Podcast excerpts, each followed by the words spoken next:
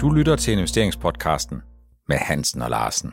Stedet, hvor de private investorer uge efter uge bliver opdateret på investeringstendenser i øjenhøjde. Velkommen til investeringspodcasten med Hansen og Larsen. Vi er nået til afsnit 113. Det er sådan lidt et temaafsnit, hvor vi ikke øh, tager størrelser, der sker sådan lige her og nu, helt så aktualiseret og helt så meget op. Men vi skal kigge en lille smule på forsvarsaktier. Forsvarsaktier er jo nogle af dem, der har været dømt meget ude meget længe. Pensionskasser har haft travlt med at sælge alt fra tobak, våben, gambling, Øh, olie, ol, olie i vist omfang, ikke? Olie i et vist omfang. Øh, det, det skulle de af med, og det skulle altså gå stærkt. Og det har jo betydet, at det er sådan, de her sektorer øh, har ligget sådan lidt i en limbo, fordi de var uønsket. Øh, og det, som det konkret betyder, når sådan en sektor bliver, eller sektorer bliver uønsket, det er jo simpelthen, at nøgletallene de bliver presset ned. For dem, der er tilbage, jamen der vil det jo samtidig ske det, at der findes nogle muligheder for at investere, øh, så længe det trods alt ikke er forbudt at drive den forretning og den virksomhed, som de, som de har. Men Helge, da Rusland gik over stregen, og de gik over grænsen ind til Ukraine, der har vi altså set en væsentlig øget aktivitet i forsvarsaktier. Ja, altså... Er det mærkeligt? Nej, det er det sådan set ikke. Øhm, fordi dem, der så er de første, det er dem, der måske også heller ikke har været bange for at investere i tobak og alt muligt andet. Øh, men det er jo så for typisk dem, der siger, nå, nu tager vi den her. Og så øh, vi andre skal måske også lige sådan tænke os lidt om og synke, hvad, hvad er det egentlig tæt, der sker, hvor alvorlig er den her krise. Og det samme kan vi jo se hos vores politikere. De skal lige, helt venstrefløjen skal lige pludselig vende sig til, at det ikke det, lige pludselig skal de også tænke i NATO, og de skal også tænke i oprustning. Mm. Øh, og fordi nu står vi med en akut far for noget, der er så farligt, som hvor modsvaret kun er, at, at vi, vi er stærke nok her i Vesten, og vi, vi opruster det er lige pludselig det, og så når politikerne de uh, går ind for det her, jamen det er sådan, det skal være, så følger investorerne også med i større omfang.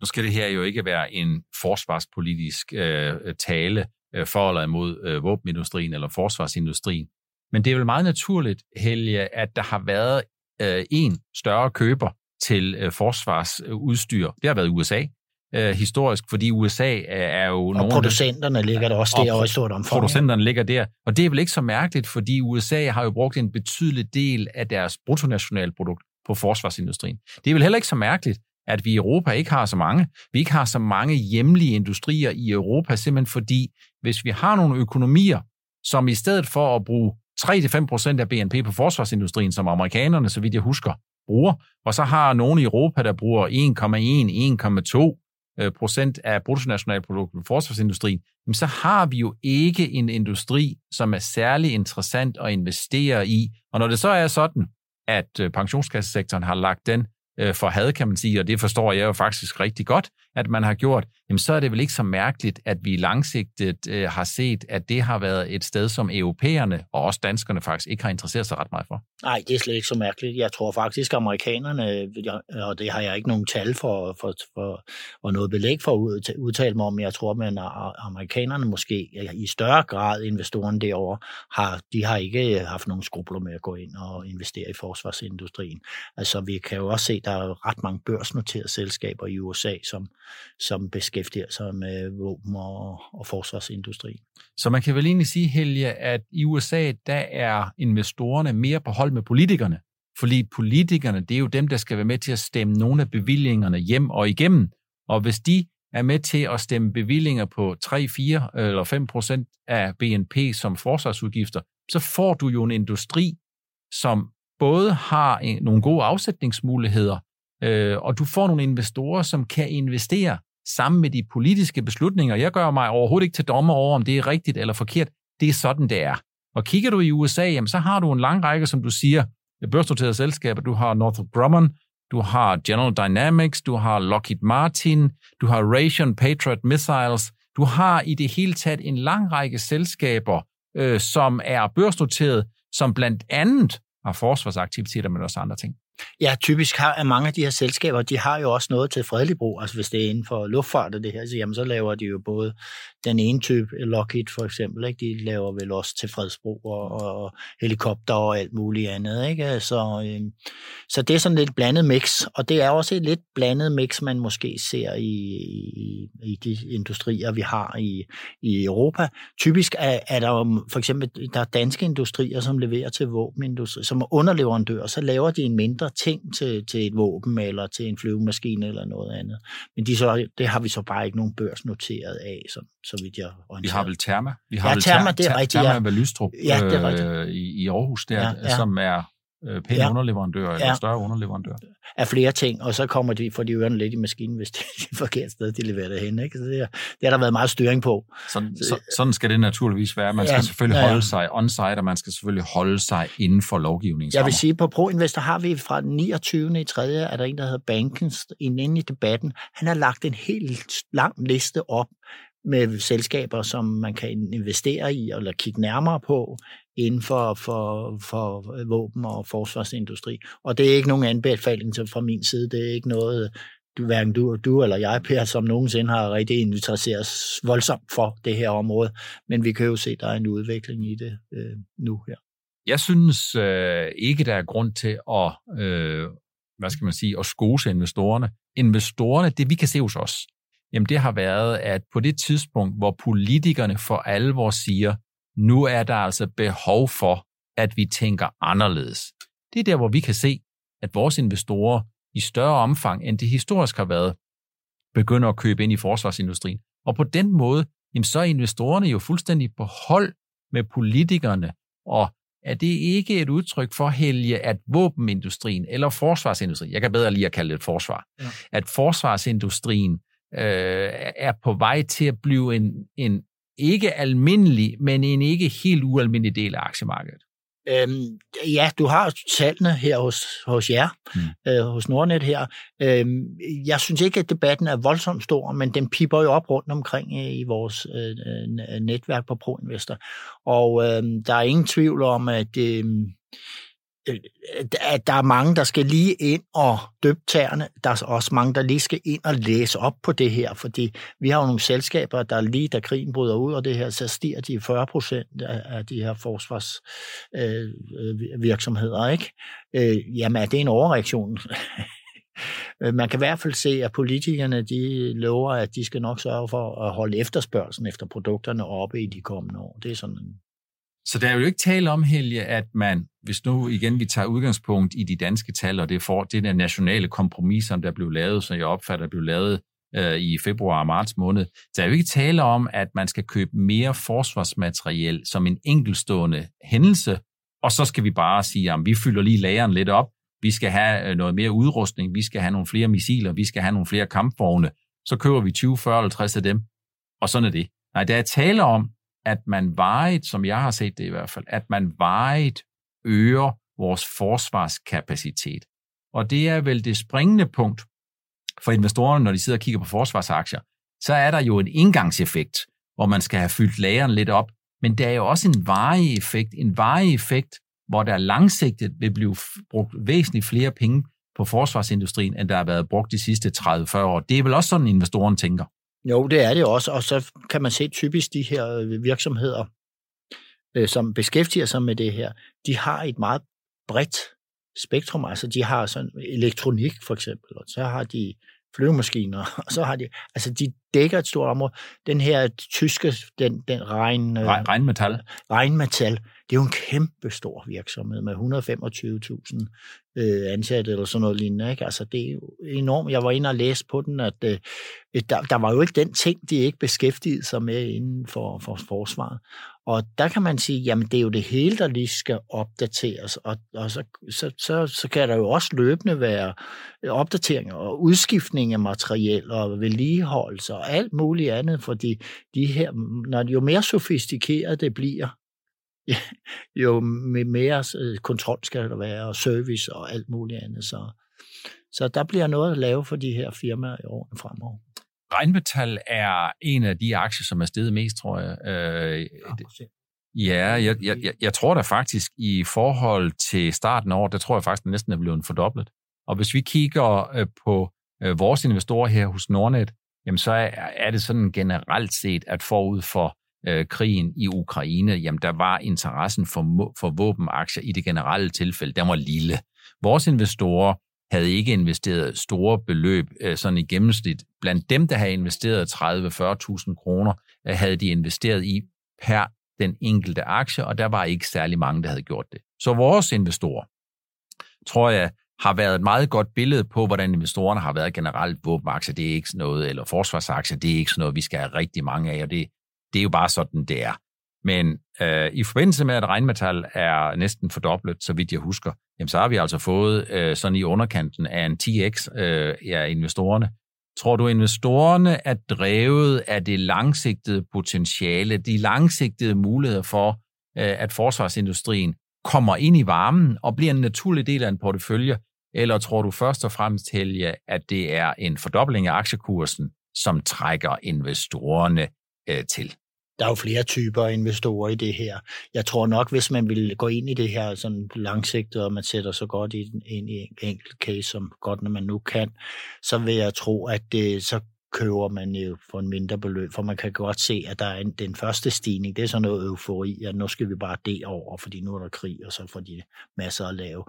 Så kommer der en besindighed på et tidspunkt, hvor man siger, at vi skal jo også tænke lige på, hvordan hænger det her sammen, og så begynder man at kigge på det fundamentale i virksomheden. Ja, der er ikke ret mange af de investorer, der er gået ind nu her, tror jeg, der har været inde og kunne gennemskue det her, den her virksomhed, hvad er en prisværdsæt til den. Er det de våben, som den her, eller forsvarsvåben, som den her virksomhed har, er det det, der bliver nummer et fremover? Ikke? Hvem er vinderne i sektoren? Ikke? Men er det sådan en, øh, er det sådan en traditionel Helge Larsen frimærkstrategi, hvor man øh, køber sig lidt ind i noget, som andre køber, fordi det er det, som er appetitvækkeren til, at man skal følge bedre med, og man skal blive bedre orienteret, ikke kun om det enkelte selskab, men også, hvad skal man sige, om hele industriens dynamikker. Ja, det er jo så det, jeg gør som regel, når jeg skal, det var det, jeg startede med i laksesektoren og, og andre sektorer. Det er jo det der med ligesom at gå ind og så lære det at kende, og stikke først en stor tårn i vandet, og så kan man jo måske hoppe ud med hele kroppen på et tidspunkt. Ikke? Øh, og det tror jeg i det her tilfælde nu, fordi jeg tror, det finder jeg så i leje, at noget er fordoblet i pris. Jamen, det plejer jo, så falder det tilbage. Ikke? Altså, og så begynder man jo også at være opmærksom på, når jamen, det kunne godt være, at den der underleverandør, der er børsnoteret, som leverer til de her store drenge, det kunne godt være, at den bliver interessant. Og først når man markedet kommer op i det vidensniveau og informationsniveau, at der kommer noget fokus på alt, de alle, dem alle sammen, og man kigger på vinderne. Øh, men nu ved jeg ikke, om der findes sådan nogle fonde, Altså, hvor man går ind og køber en buket af sådan nogle her. Det tror jeg absolut, der gør. Det, det vil jeg blive forbavset over, hvis der ikke findes en ETF-udstedelse med forsvars... Øh, som ligesom gør arbejde for dig. Ja, som gør arbejdet med den tilføjelse, som du ganske rigtigt jo sagde, Helge, at når vi kigger på Lockheed Martin, ja, så laver de, så vidt jeg husker, F-35, altså det øh, fighterjet der, som jeg også tror, at den danske stat har købt, men de laver også alle mulige andre ting, der er oppe i luften. Det kan være, at de laver satellitter, og det kan være, at de laver rumfart og alle mulige andre ting. Så, øh, så, så, så når man køber ind i sådan nogle øh, industrier her, så kan det godt være, at det ikke er sådan en rendyrket køb, man laver, men det er en køb, som dækker over nogle forskellige ting altså den der Raytheon, Raytheon. Ja, ja, øh, i USA, det er jo for, så vidt jeg se, så er der rumfart. Først og fremmest, de har et stort sats på, ikke? og så kommer alle underafdelingerne med alt andet. Jeg tror, at det, som jeg husker Raytheon Patriot Missiles for, det var nogen, som øh, for alvor blev brugt som øh, nogen, der skulle skyde øh, nogle af de irakiske Nå, missiler ned, lever, ja, tror jeg, okay. i forsvarsindustrien, når vi går øh, en hel del år tilbage ja. i tiden med, med Saddam Hussein. Ja. Øh, hvis vi kigger på øh, forsvarsindustrien, øh, tror du så, at den bliver stueren, når vi kigger på pensionskassesektoren? Tror du, de private investorer løber forud, og så kommer vi til at se, at pensionskassesektoren jo faktisk, måske ikke direkte, men sådan indirekte, kommer til at foretage nogle investeringer i forsvarsaktier? Øh, per, hvad er det så øh, vores pensionskasser, eller en af de store, lige har meldt ud? Her, øh, at det var, at de ville købe øh, forsvarets bygninger. Okay. Altså her for nylig, ikke? at de vil investere kraftigt i, af den vej. Så jeg tror, at viljen er til stede. Mm. Altså det er helt klart. Øh, men øh, omvendt, så har man jo nogle etiske regler, og så kommer der jo nok meget debat om det her område. Det men at, at de med går lige frem, jeg kan altså ikke huske, hvem det var, om det af de her pensionskasser, der var ude og sige, jamen vi vil gerne købe op i forsvarets ejendom, og så, så er det så sikkert sådan noget leaseback, eller hvad de nu ellers finder på, ikke? Det lyder måske som om, man har lidt berøringsangst. Man vil gerne kigge, men ja. man har måske lidt berøringsangst for, om der lige pludselig er nogen, der kommer til at tage nogle pressebilleder af dag, hvor, hvor der er nogen, der ligesom skal kigge på, hvad de sidste 10 nye, nyanskaffelser, øh, hvordan de ser ud. Ja, altså jeg vil sige, det, vi står jo i en situation, som er ny for, for alle dele af det danske samfund, ikke? og det er jo en forfærdelig situation at stå i, og så skal der jo nogle løsninger på bordet, som, ja, men det kunne slet ikke forestille sig, at der er nogen, der kunne gå ind for, for bare et par måneder siden. Hvis vi kigger på øh, nogle af de der sektorer, som var dømt ude, vi har snakket om tobak, vi har snakket om fossile brændstoffer, olie og gas, og vi snakker nu om øh, øh forsvarsindustrien. Olie og gas er jo ikke sådan rigtig endnu i hvert fald, det jeg har set, noget som pensionskassesektoren, de overvejer og investerer i og til, tilbage i, om ikke det gode, så er det mindre dårlige selskab, selvom vejen mod grøn omstilling, og det har vi jo tæsket igennem ufattelige mængder af gange, Helge. Vejen til grøn omstilling, den går igennem rigtig meget sort energi, og det gør den, fordi forsyningssikkerheden, den er ret vigtig, og det kan ikke nytte noget en dag, hvor solen ikke skinner, eller vinden ikke blæser. Der kan du ikke, få, der kan du ikke tænde din hårtør, du kan ikke blive barberet, og du kan måske heller ikke få kogt vandet til dit æg. Så øh, man kunne godt forestille sig, at forsvarsindustrien bliver legitimeret tidligere end olie og gas gør det for de langsigtede investorer, øh, simpelthen fordi politikerne har altså sagt go, go, go. Men det, som vi ligesom hører, det er vel også, at nogle af de fossile øh, brændsler, at de skal sådan have lidt et comeback, simpelthen fordi den store, vi gerne vil undgå, det er Rusland. Ja, og her kan man jo så som, øh, som pensionskasse sige, når jamen, det er nemmere at investere i gas, hvis man kan komme, gå gasvejen i stedet for at gå olievejen, ikke? fordi gas- og kulvejen. Ikke? Så der vil jeg tro, hvis der endelig kommer noget ved pensionskasserne, de tager nogle initiativer, så er det måske inden for gassen at sige, ja, okay, der er jo minus 50 procent i CO2-belastning på det i forhold til olie og kul. Ikke? Så øhm, det kunne jeg godt forestille, at gasområdet kunne være interessant. Også det, at vi skal have nogle nye felter op og køre måske i Nordsøen og andre ting. Ikke? Så det kunne, der, der er et investeringsområde, som de kan krybe ind og sige, sige, at gassen det er broen til fremtiden uden fossile brændstoffer. Hvis vi kigger på det hele, der er sket rigtig meget de sidste par øh, måneder. Jeg tror, at der var rigtig mange, som allerede havde drømt om og var overbevist om, at selvfølgelig var der ikke længere noget, der hed kul. Selvfølgelig skulle atomkraften på en eller anden måde være en backup-teknologi, men en teknologi, som de fleste lande ikke var så vilde med.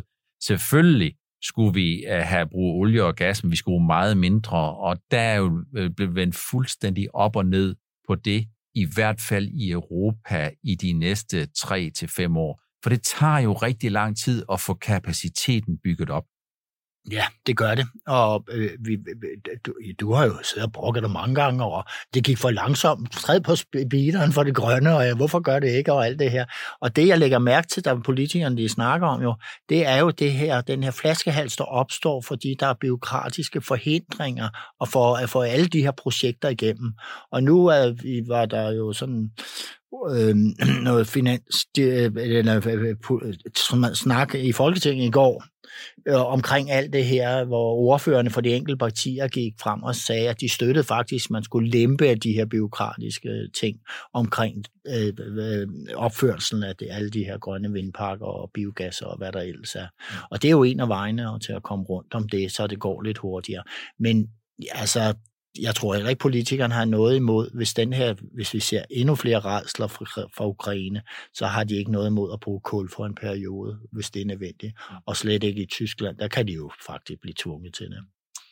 Tyskland er jo fuldstændig afhængig af den russiske energi, det må man bare sige, og det er uanset om forbrugeren de skal fryse, eller om det er industrien, der skal producere øh, biler, eller hvad de nu ellers skal øh, jamen så er Tyskland, de har gjort sig fuldstændig, øh, fuldstændig afhængige af, af Putin, og det er jo også det, der er udfordringen med hensyn til, hvor hurtigt den her udfasning skal gå. Jeg tror, den kommer til at gå langsommere, end de drømmer om, og jeg tror, den kommer til at gå langsommere, end det, man fortæller Øh, men lad, lad det nu ligge, og det kan vi jo måske vende tilbage til på et, øh, på et øh, senere tidspunkt. Der var og er aktuelt en konference, en vindkonference nede i Bilbao, nede i øh, Nordspanien, og der øh, kigger man faktisk på netop på de der to ting, at, at vindindustrien gerne vil være med til at løse nogle af de her udfordringer. Vindindustrien er også lidt irriteret over, at det tager øh, 1, 2, 3, 4, 5 år at få godkendt nogle af de her projekter, så det tager væsentligt længere at få godkendt projekt, projekterne, end det, får at få, end det tager at få produceret og sat projekterne op. Ja, og så har, kan man så sige, så, så er der en ting, som vi to også har snakket om. Nu er der jo store problematikker omkring, øh, hvad, hvad priserne for stål og hvad der ellers indgår i de her, og transport og alt det her. Det bliver man også hæmmet af. Men der tror jeg nu, at øh, dem, der skal betale i den sidste ende, de kommer til at betale prisen, mm. og det vil de gøre glædeligt for at komme ud af den situation med, med Rusland der. Det tror jeg, du har fuldstændig ret i, øh, og du har fuldstændig ret i, Helge, at, at man kan ikke gøre noget uden at gå på kompromiser. Og Rusland er jo en meget betydelig øh, øh, råstoføkonomi, ikke kun med olie og gas, men det er med palladium, som skal bruges så vidt, øh, øh, i, til elbiler, det er med nikkel, der skal bruges i rustfrit stål, øh, og en lang række andre metaller, om dem skal man altså finde et andet sted i øh, verden. Ja, og lige, uh, Ukraine, som også var stor leverandør, også af stål og andre ting, jamen det kan vi jo så ikke af gode grunde heller ikke få. Det de er også sat ud af ligningen for øjeblikket. Ja. Inden vi nu slutter af, så kunne jeg godt tænke mig lige at, øh, at, at kigge en lille smule på, Helge, at de stigende forsvarsbudgetter, jamen de presser jo økonomien. Øh, gældsniveauerne er relativt høje, øh, og hvis det er sådan, at man skal finansiere de stigende forsvarsudgifter, så skal man enten tage det fra et allerede bestående råderum, som er til stede i Danmark i et vist omfang. Nu har man måske brugt hovedparten af det, men det er til stede. Men når man kigger ud rundt omkring i Europa, jamen så er det ikke sikkert, at man har det her øh, finanspolitiske råd om. Vi har jo en offentlig gældsætning i Danmark, som jo er verdensrekord lav. Øh, så, så vi har ikke sådan for alvor de der udfordringer, som andre har. Der er to måder, man kan finansiere på. Enten så kan man bruge rådrum, hvis man har det, eller også så kan man finansiere det i, i form af, at øgede udgifter, de skal betales ved højere skatter. Og ja. betyder det, at væksten i Europa kommer til at ligge inden for forsvarsindustrien, men man kommer til at mangle noget af væksten inden for andre sektorer, simpelthen fordi finansieringen af forsvarsindustrien skal tages fra forbrugerne og virksomhedernes lommer. Altså faktisk havde vi det her op allerede sådan i starten af, året, der, der det var forbindelse med renterne, så kom krigen, og så jeg tænkte vi ikke på det her med øget, øget forsvarsudgifter, men vi tænkte jo på, at det, at man skal satse så kraftigt på det grønne, det gør jo, at den industri måske kan sådan redde en del af væksten, også man elbil og alt muligt i Europa. Men nu har man så forsvarsudgifterne oveni. Ikke? Så jeg tror, at det kan være med til at det kan være med til at, at drive os ned mod noget, der kan ligne en recession i Europa. Det er jeg alvorligt bange for. Mm. Øh, og vi kan jo stå i den situation, at man så lukker ned for gassen også, at man simpelthen bliver nødt til det og så stiger energipriserne globalt ganske gevaldigt, tror jeg, en periode. Ikke? Jeg tror, at øh, risikoen for, at øh, der bliver lukket for gassen, enten fra Rusland eller fra Tyskland i Europas side, den er meget, meget lille. Og grunden til det, det kan jo blive udfordret på. Ja, nu er det Tyskland, men der er jo så andre politiske lande, som... Absolut. Ja. Men jeg tror, at risikoen er meget lille, og grunden til det, det er, at Rusland de har brug for indtægterne fra gassen, og Europa de har brug for gassen til at holde industrien i gang og til at holde varmen. Og det er ikke fordi, at jeg under nogen omstændigheder har sympati for det, der sker i Rusland overhovedet ikke. Men spilteoretisk, der tror jeg, at risikoen for, at der bliver lukket for den del af energiforsyningen, den er mindre, end hvad der generelt har været diskuteret og debatteret. Det kan være, at vi kan tage det op på. Ja, det kan, nu, får, nu får vi se, hvordan det udvikler sig. Man står jo op om morgenen, og så kigger man jo i aviserne og så på Twitter, ikke? så tænker man på, nej, nej, hvad sker der nu? Ikke? Ja, det var det, vi havde valgt at tage med i afsnit 113 af Investeringspodcast med Hans og Larsen, er, øh, er et stærkt forsvar, et godt angreb, kunne man sige. Investorerne har øh, taget godt imod de politiske vinde og de politiske beslutninger om, at vi skal til at bruge flere penge på at forsvare os selv. Vi skal bruge flere penge, så øh, vi skal bruge flere penge på, så vi ikke kommer ind i en situation, hvor vi opleves som en svag modpart, og hvor risikoen for, at en ikke venligsindet magt kører os over. Vi har været inde på nogle af de selskaber, som investorerne har købt ind i. Det drejer sig først og fremmest om tyske regnmetal, hvis aktiekurser er næsten fordoblet øh, de sidste måneder, og hvor antallet af investorer hos Nordnet er næsten øh, 10-doblet siden aktiekursen øh, tog afsted. Andre selskaber, som vores investorer også har kigget lidt på, er blandt andet Saab i Sverige. Tak fordi I følger med. Vi håber, at øh, I, vi ses igen i næste uge i afsnit 114 af investeringspodcasten med Hansen og Larsen. Du lyttede til investeringspodcasten med Hansen og Larsen. Vi ses igen i næste uge.